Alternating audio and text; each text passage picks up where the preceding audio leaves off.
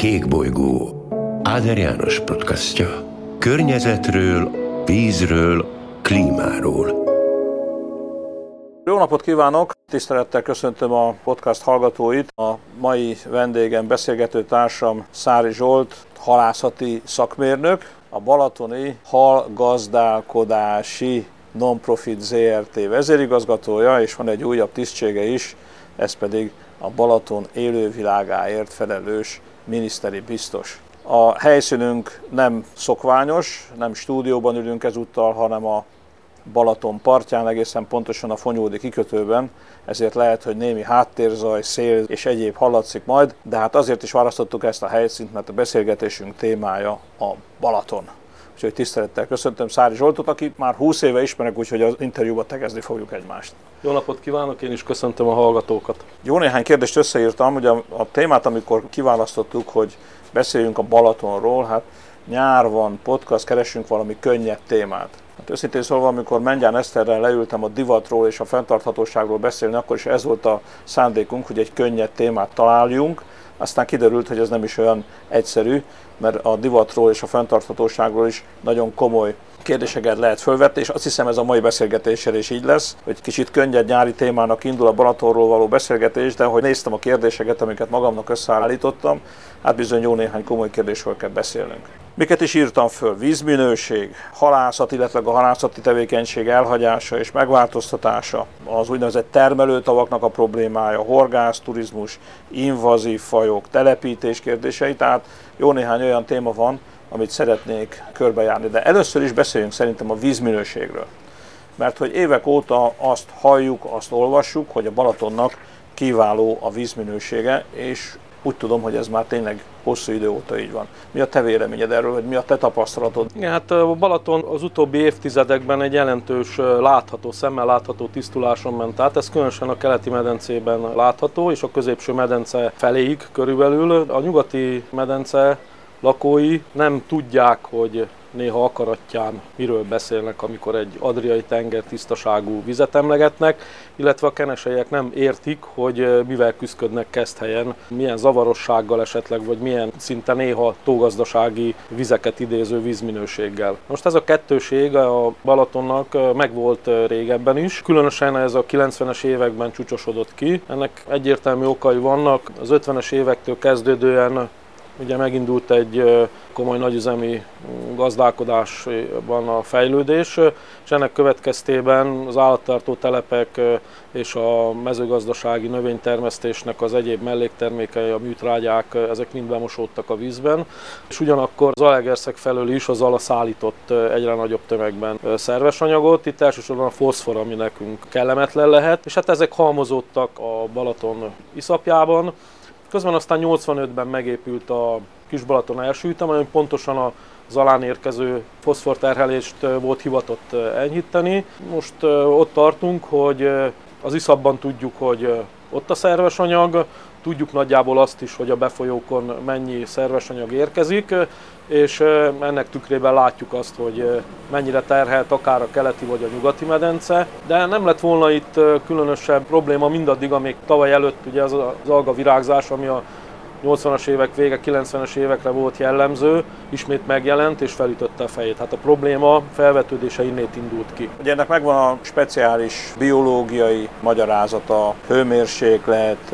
a víznek a hőmérséklete, a szélnek a hiánya, ami beindítja ezt az algavirágzást. Ezt gondolom ezúttal is ezt jelentette, és az egy hát mondjuk így szemmel láthatóan is egy zavarosabb vizet, tehát mondjuk így, hogy egy csúnyább vizet eredményez. Igen, a 19-es algavirágzást kiváltó okok mik lehettek, többféle elmélet született. Sajnos nincsenek folyamatos vízminőségkutatási eredmények, nincs egy folyamatos monitoring, tehát igazából pontos megállapításokat nem lehet tenni. A leghelytállóbb vélemény, illetve találgatás talán az, hogy a rendkívüli hőrétegzettség okán, ami volt 2019-ben, ugye egy viszonylag szélmentes időszak volt, kialakult egy olyan fajta hőrétegzettség, ami nem volt tapasztalható korábban a Balatonon, és ennek okaként egy viszonylag oxigénszegény állapot alakult ki a fenék közelében, ami pedig kedvezett annak, hogy a nem kötött foszfor kilépjen az iszapból és beoldódjon a vízbe, és hát ennek nagyon megörültek az algák, láttuk is, hogy komoly algavirágzás volt. És ugye itt a legfőbb ellenség nem az zöld alga nekünk, hanem a kék alga, a cianobaktérium már csak azért is, mert neki elég a foszfor, nem kell nitrogén, hogy legyen a vízben, mert ő a levegő nitrogénjét köti meg, és ezáltal ő képes dominálni a zöld algával szemben. Ez az állapot kedvezőtlen, mert tudjuk, hogy a kék algának vannak ilyen bőrirritációt is kiváltható toxikus hatásai, halaknak se kedveznek, tehát igazából nem táplálékforma, és a zooplanktonok se tudják hasznosítani. Tehát ez egy, hogy úgy fogalmazok, egy biológiai zsákutca, amit nagyon nehéz kiküszöbölni és megelőzni. De hát hál' Istennek viszonylag ritkán van, ehhez nagyon extrém időjárási viszonyok kellenek. Egy másik kérdés, ami az utóbbi években megint csak sokszor felmerült, ez a víz kormányzás. Balatonnak a víz szintje. Ugye a Sió csatornán lehet engedni a balatoni vízből, és ez évek óta visszatérő téma részben a sajtóban is, hogy magasan tartani a Balatonnak a vízszintjét, alacsonyan tartani a Balatonnak a vízszintjét, engedni a Sió csatornán le a tavaszi vízhozamból. Én kezdetektől fogva azon az állásponton vagyok, hogy amit a Jóistentől kaptunk, azt tartsuk meg.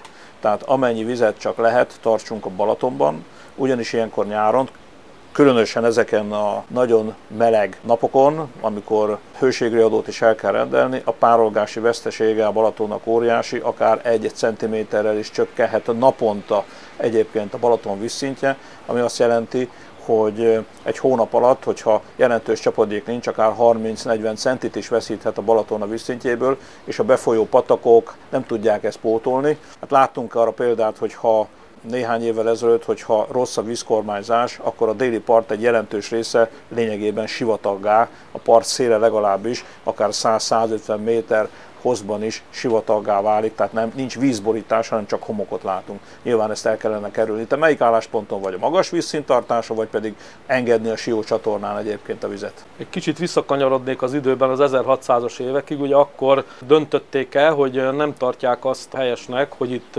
Képzeljük el, hogy akkor 10 méterrel magasabb volt a vízszint, mint most. Tehát ahol most akkor, ülünk, akkor, akkor most itt, itt fölöttünk lenne még 7 víz. méter víztömeg.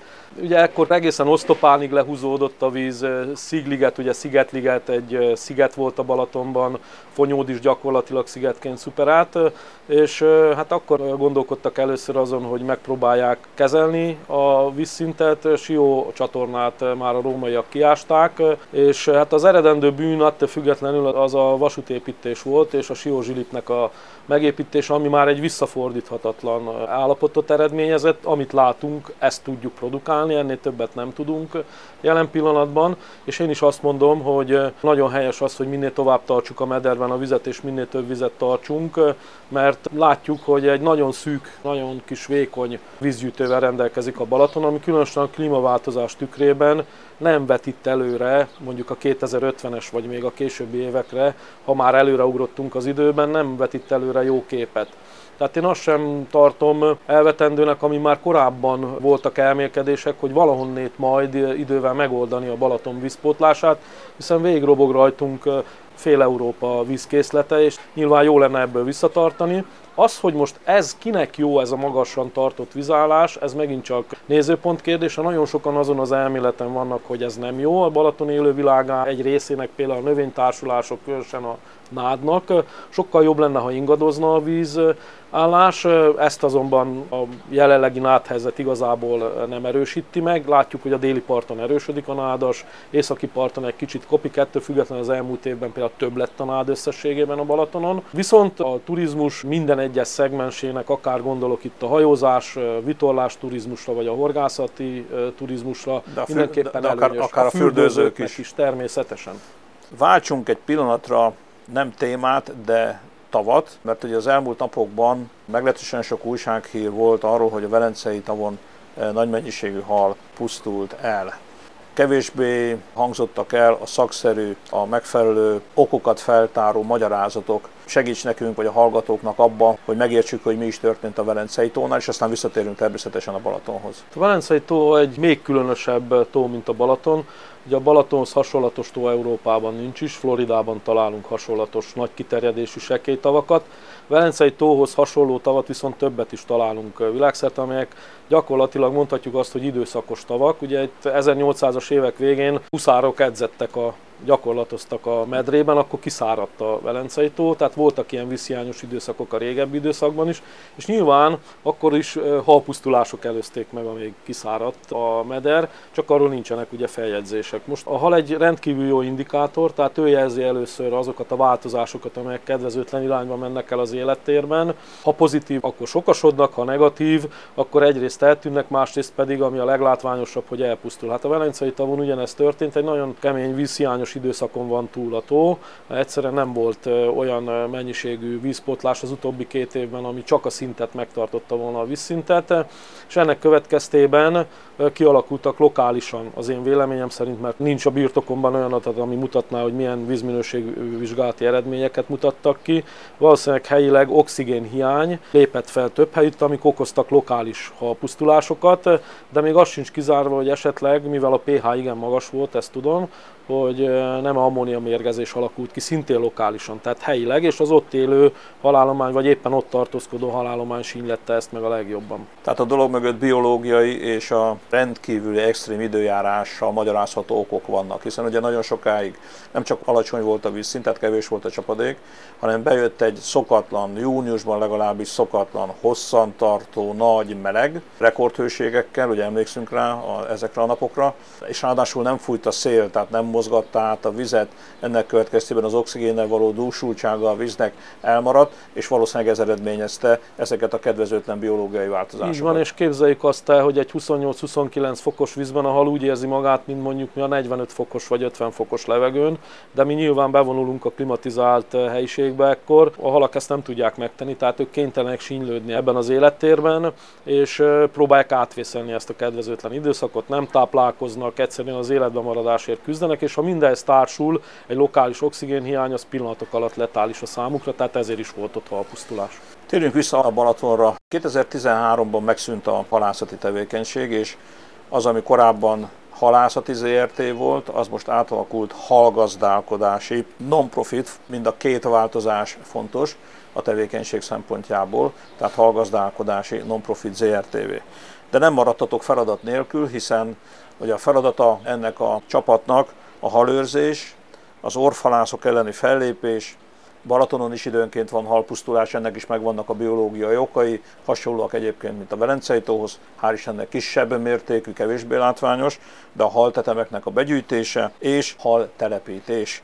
Nem maradhatok munkanélkül, de teljesen átalakult a tevékenysége a korábbi halászattal foglalkozó cégnek. Mi a tapasztalatod? Eltelt most már 8 esztendő, 8 vagyunk, 7 esztendő eltelt már, hogy ez egy helyes döntés volt, a hozzáfűzött reményeket beváltotta ez a döntés, a tó biológiája, élővilága, a halak mennyisége szempontjából hogyan értékeled az elmúlt hét esztendőt? Hát én úgy gondolom, hogy ez egy sikertörténet, már csak azért is, mert ugye ahogy a, itt az elmúlt 50 évben történt változások kedvezőtlen érintették a tó környezetét és a, azt a biotópot, amiben a halak, mint a, most a témánknak a főszereplői élnek. Nyilván hozott egy olyan fajta változást is, hogy nagy arányú fejlődésen esett át a halászati technika, és azok a korabeli halászmódszerek, amik voltak, eltűntek, fölváltotta ezt az 50-es évekre derekára már egy nagyon komoly iparszerű halászati technológia, nagyhálós halászat, aztán jött az állított hálós halászat, vonóhálós halászat, amivel nagyon meg lehetett tizedelni a Balaton halálományát, de nem is ez a lényeg. A lényeg az, hogy az 50-es években mondjuk 500 horgász ült le a parton, és ők azért 500-on osztoztak azon a halmennyiségen, amit kifoghattak. Jelen pillanatban pedig 100 ezer horgász fordul meg a vízparton, és nem lehet összevetni azt a technikát, ami volt az 50-es években a mostanival. Tehát a mostani horgász sok sokkal, sokkal könnyedebben becsapja a halat és horogra keríti, mint annak idején, még ha kevesebb is a hal mennyiség és jelen pillanatban ez a horgászlétszám elviszi azt a halmennyiséget, tehát kiveszi a Balatonból, amit a halászmódszerrel vettek ki, csak hogy számokkal érzékeltessem, a csúcs időszakban, a háború utáni években voltak 1200 tonnás halfogások a Balatonon, főként keszeg, de volt például 200 tonnás éves fülőfogás is. Most a horgászok 600-700 tonna közötti halmennyiséget vesznek ki, ezzel fenntartható a Balaton halálománya, ez vegyesen, de legfőképpen a itt a fő célhal, és hát a régi időkhöz képest a telepítést is ennek szellemében növeltük. De most ilyen pillanatban 300 tonna minimálisan, amit pontyot belerakunk a vízbe utánpótlásképpen, ezt ennél többet ki is fognak a vízből egyébként, mert van egy jelentős hozam, amit ugye a tó természetes táplálékkészlet által tesz hozzá, és sülőből is évente az az 50-70 tonna kijön a horgászfogásokkal. A közfeladataink között ugye volt még említve a halőrzés, volt a dögösszeszedés, hát a dög természetes, hát 10 ezer tonna él a Balatonban. Mondani szokás, ahol falu van ott temető is, tehát van egy olyan fajta elhullás, ami akár betegség, akár előregedés, okán, vagy éppen egy tavaszi hirtelen hőmérsékletváltozás hatására ezek a tényezők összeadódnak, és könnyebben elhull a hal. Ezeket össze kell gyűjtenünk. Ez évente azért egy elég komoly munkát ró a társaságra, de ez közfeladatunk, ez egy kötelezettség, akár csak a halőrzés, mert különösen 80-as, 90-es években vált divattá a az eresztőhálós orfalászat, és hát ennek a visszaszorításán ügyködünk most már jó ideje, és látjuk is az eredményét, aminek köszönhető többek között a jogszabályi változás is. Megnéztem az eredményeiteket, azért beszéljünk erről is, hiszen erről kevés szó esik a nyilvánosság előtt. Ugye orfalászok, ahogy említetted, korábban is voltak, ma is vannak, de én úgy láttam a általatok készített statisztikákban, hogy az orfalászoknak a száma, de különösen az általuk használt háló nagysága az jelentősen csökkent, tehát majdnem a negyedére csökkent az általatok fölszedett rapsic hálóknak a száma.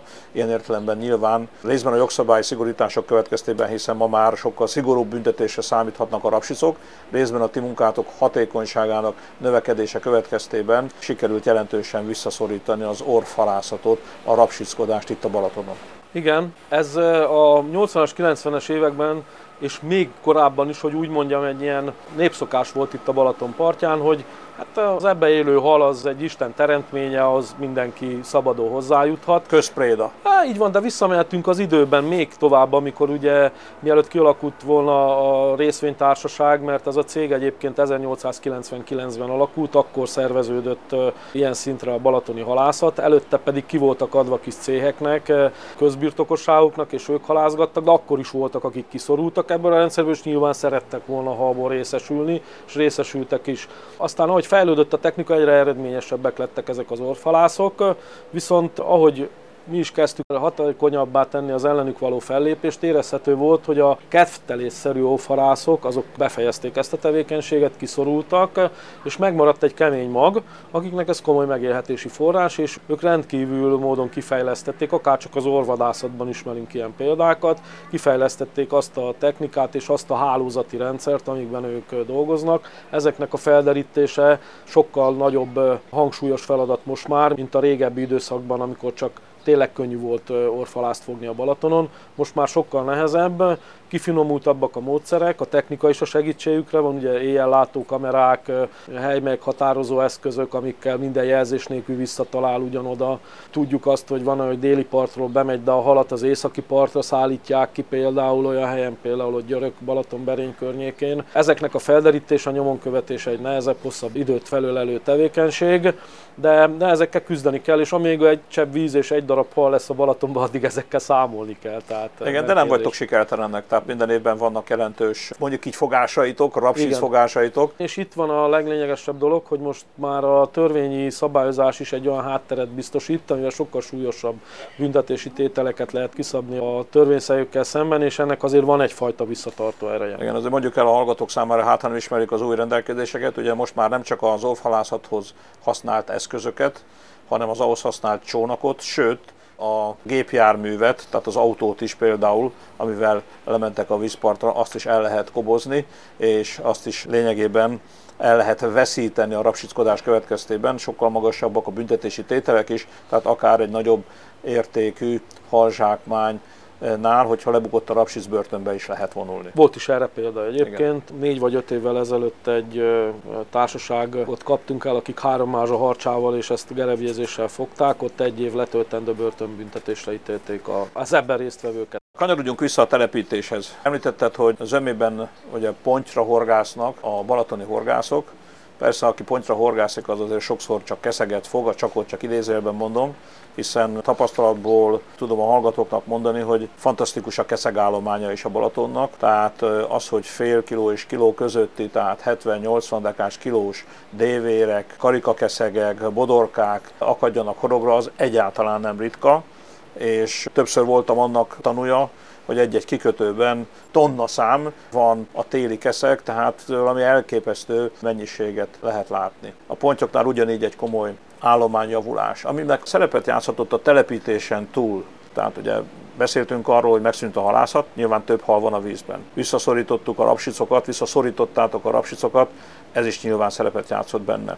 Van egy tervszerű telepítés, ez a harmadik ok, és említettél még egyet, hogy a természetes tápanyaga, én azt látom, hogy van ez az úgynevezett vándorkagyló, ez a puha testű vándorkagyló, ami korábban nem volt, iszonyú mennyiségben felszaporodott, de ez mind a keszegek, mind a pontyok számára kiváló táplálékforrású szolgál. Egyszer korábban nekem azt mondtad, hogy ez olyan mennyiségű fehérjét jelent a pontyok és a keszegek számára, hogy a súlygyarapodása itt a pontnak másfélszerese a tógazdasági körülményekhez képest, ahol pedig intenzíven etetik őket. Így van ez most is? Igen, hát ugye a halak növekedése elsősorban a rendelkezésre álló fehérjétől függ, tehát mi hiába etetjük őt a tógazdasági körülmények között mondjuk buzával vagy kukoricával, ez az ömében szénhidrát alapú takarmány, tehát igazából ettől nem fog nőni a hal, hanem leginkább elzsírosodni fog. A, a tógazdasági körülmények között, ha nincs fehérje, vagy mesterségesen pótolt fehérje, hanem csak búzával vagy éppen kukoricával etetjük a halakat, attól nagyon nagy növekedés nem fog ő elérni, attól hízni fog. Na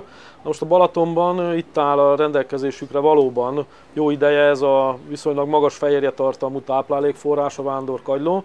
1930-as években került be egy hajó testére tapadva, zsilipelték föl, az első polimorfa, az a Dreissena polimorfa volt, ez a faj, és ez kezdett el elterjedni a Balatonba. Na most ez a faj, ez csak és kizárólag szilárd felületen tud megtapadni, stéglábon, köveken, tehát nem volt nagyon elterjedt a Balatonban, de például a Fonyódi Akadó ezért volt kiváló pontyos hely. Gyerekkoromra visszamenőreg emlékszem én erre. Nagyon sok ponty volt itt mindig, hát vonzotta őket ez a tömegű vándorkagyló, ami itt, itt volt, és ezért is habzott néha az akadó a ponttól. Na most ez azért szűnt meg, mert egy olyan tíz évvel ezelőtt egy új faj került be, egy új kvagakagyló, ami hasonlatos az eredeti polimorfához, ezt bugenzisnek nevezik, tehát Dreissena bugenzis.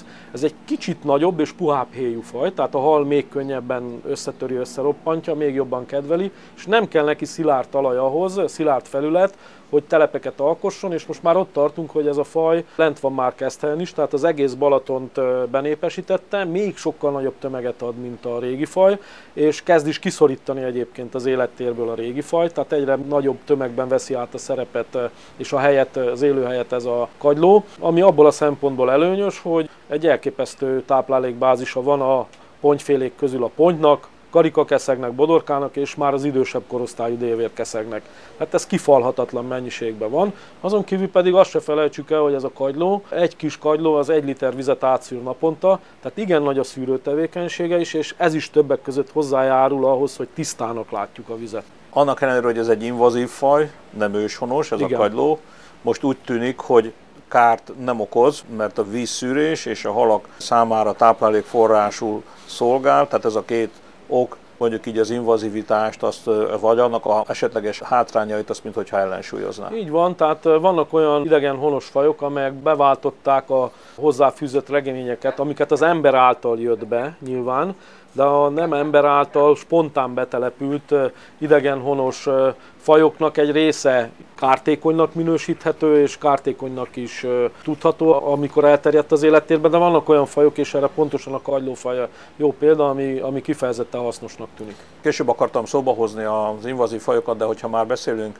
a kagylót szóba hoztam, és akkor beszéljünk más invazív fajokról is, mert nem minden betelepítés vagy betelepülés volt ennyire sikeres. Történt itt néhány kísérlet az elmúlt évtizedekben a Balatonon. Beszélhetünk a busáknak a telepítéséről, ami hát amikor a 60-as évek végén kezdődött el, akkor az angolnának a telepítéséről beszélhetünk. A törpeharcsát ugyan nem telepítették, de megérkezett, Igen. és nagy számban van sajnos és az ezüstkárász is invazív fajnak számít, és meglehetősen nagy számban van a Balatonban. És aztán van majd még egy invazív, másik fajta élőlény, amiről szeretnék kérdezni, de először a halakról, hogy mi a tapasztalatod ezekről az invazív fajokról és aztán majd visszakanyarodunk a telepítéshez, hogy ti pont az ellenkező irányba akarjátok Igen. a Balaton. Hát eh, én, én inkább úgy fogalmaznék, hogy idegenhonos halfajok, mert ennek csak egy része tekinthető a Balatonban invazívnak. Ugye az, amelyik nagyon mértékben tud szaporodni és betölti az életteret, elveszi az őshonos halfajok elől az életteret, táplálékot. Ezek az invazívok, az idegenhonos, közben idegenhonosak is ők,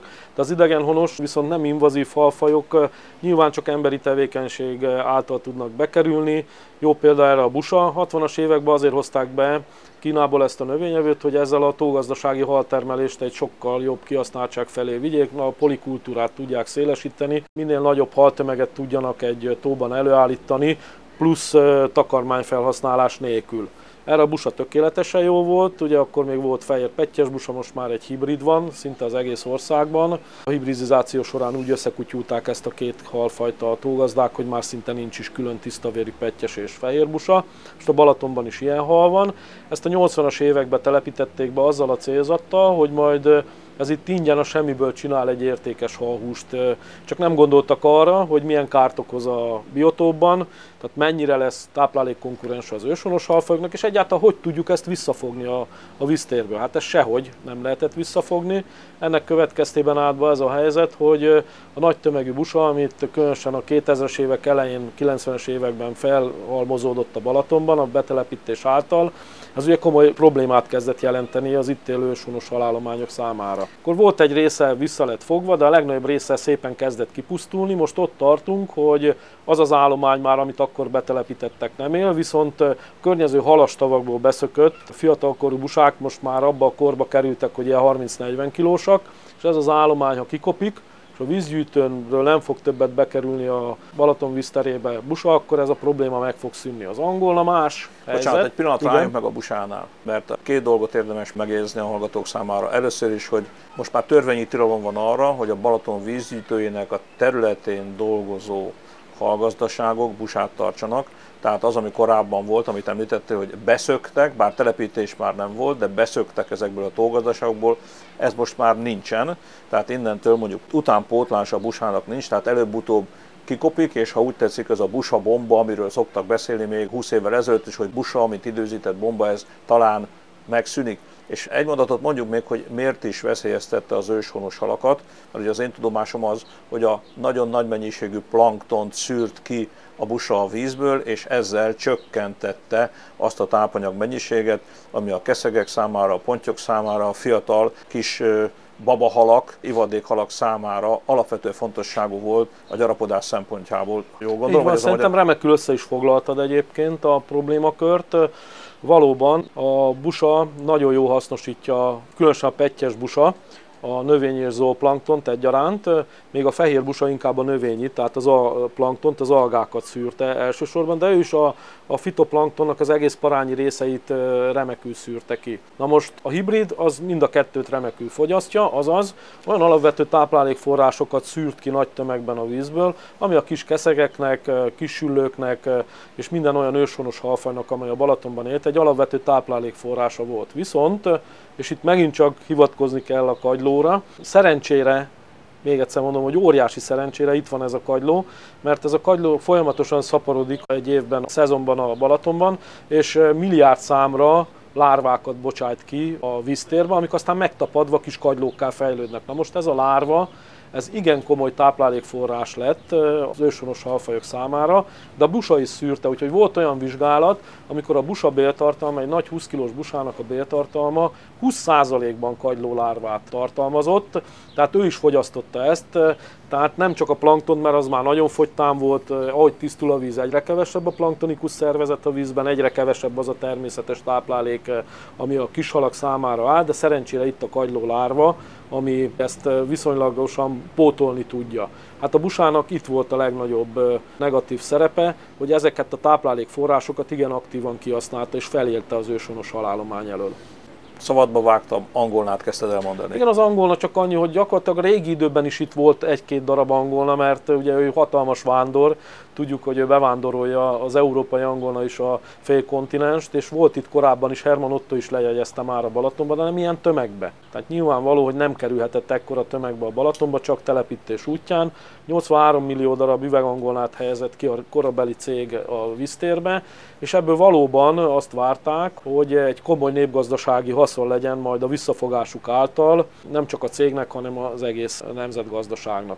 Most ez félig meddig igaz lett, remekül visszafogható halfaja az angolna, mert ugye ő amikor eléri azt az életkort, elindulna vissza a szargasszó tengerbe, az az, amikor a siót eresztik, akkor ő elindul a vízáramlást megérezve, elindul lefelé, hogy a Duna vízrendszerén keresztül odaérjen, ahova kell.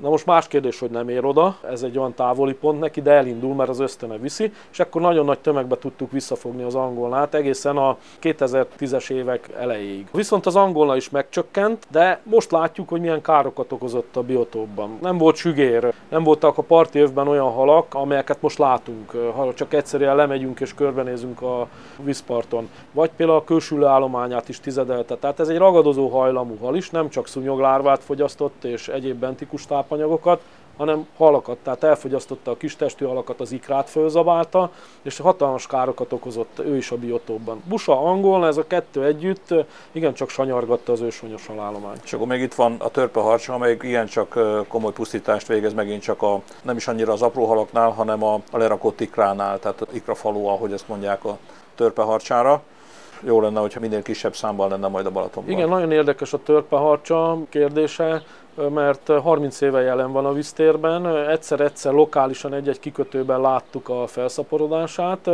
viszont akár csak ahogy az ezüstkárásznak sem igazi élettér a Balaton, nagyon érdekes módon, tehát nem érzi jó magát a Balaton nyílt terében az ezüstkárász, úgy a törparcsa sem érzi kint a nyílt vizen jó magát, különösen ha arra gondolunk, hogy a szaporodás a speciális, családok vannak, akik tiszta víz és egy nyugodt környezet kell neki, ez csak és kizárólag a kikötő medencékben valósulhat meg, azoknak is a belső zugaiban, tehát ő nem tud szaporodni kint a nyílt víztérben, és ezáltal egy-egy kikötő medencéből tud terjedni, ezért lehet érzékelni azt egyszer-egyszer a felfutását a törpalcsállománynak, és különösen az egyre jobban tisztuló keleti medencében Kenese, Akaratja, Alsóörs, Füredig azon a részen okoz nagyobb problémát. És tudtok ellene védekezni valamilyen módon? Elindítottunk egy kutatás sorozatot, már tavaly évben vizsgáltuk, hogyan lehetne visszafogni a törparcsát varsás módszerrel, még csak pusztán lerakott varsákkal kísérleteztünk tavaly, idén ismételjük meg ezt, a Limnológiai Intézettel karöltve csináljuk, és most már majd elhelyezzük a csalisvarsákat is, vannak is kihelyezve már, és megpróbáljuk a, ezeken a fertőzöttebb területeken a, az ősszel vermelésre összegyűlő törparcsákat majd varsás módszerrel éríteni. Ugye a beszélgetésünket azzal kezdtem, hogy egy könnyed nyári témát kerestünk. Hát azt hiszem, hogy nyárinak ugyan nyári, de könnyednek semmiképpen nem könnyed, hiszen nagyon komoly a tó biológiájával, a halgazdálkodással, a turizmus is érintő, az itt élőknek az életét befolyásoló kérdésekkel foglalkoztunk. Azzal szeretném zárni a mai beszélgetést, hogy az invazív vagy nemős honos halakról beszéltünk, és folytassuk a beszélgetést innen egy szintén invazív, nem őshonos, de nem hallal, hanem madárral. Kezdjük ezzel, és utána még van néhány, jó néhány kérdés, ami már a horgászatról, az új feladatokról és a hogyan továbbról szól, akkor folytassuk innen a következő alkalommal. Köszönöm szépen! Kék bolygó Áder János podcastja. Környezetről, vízről, klímáról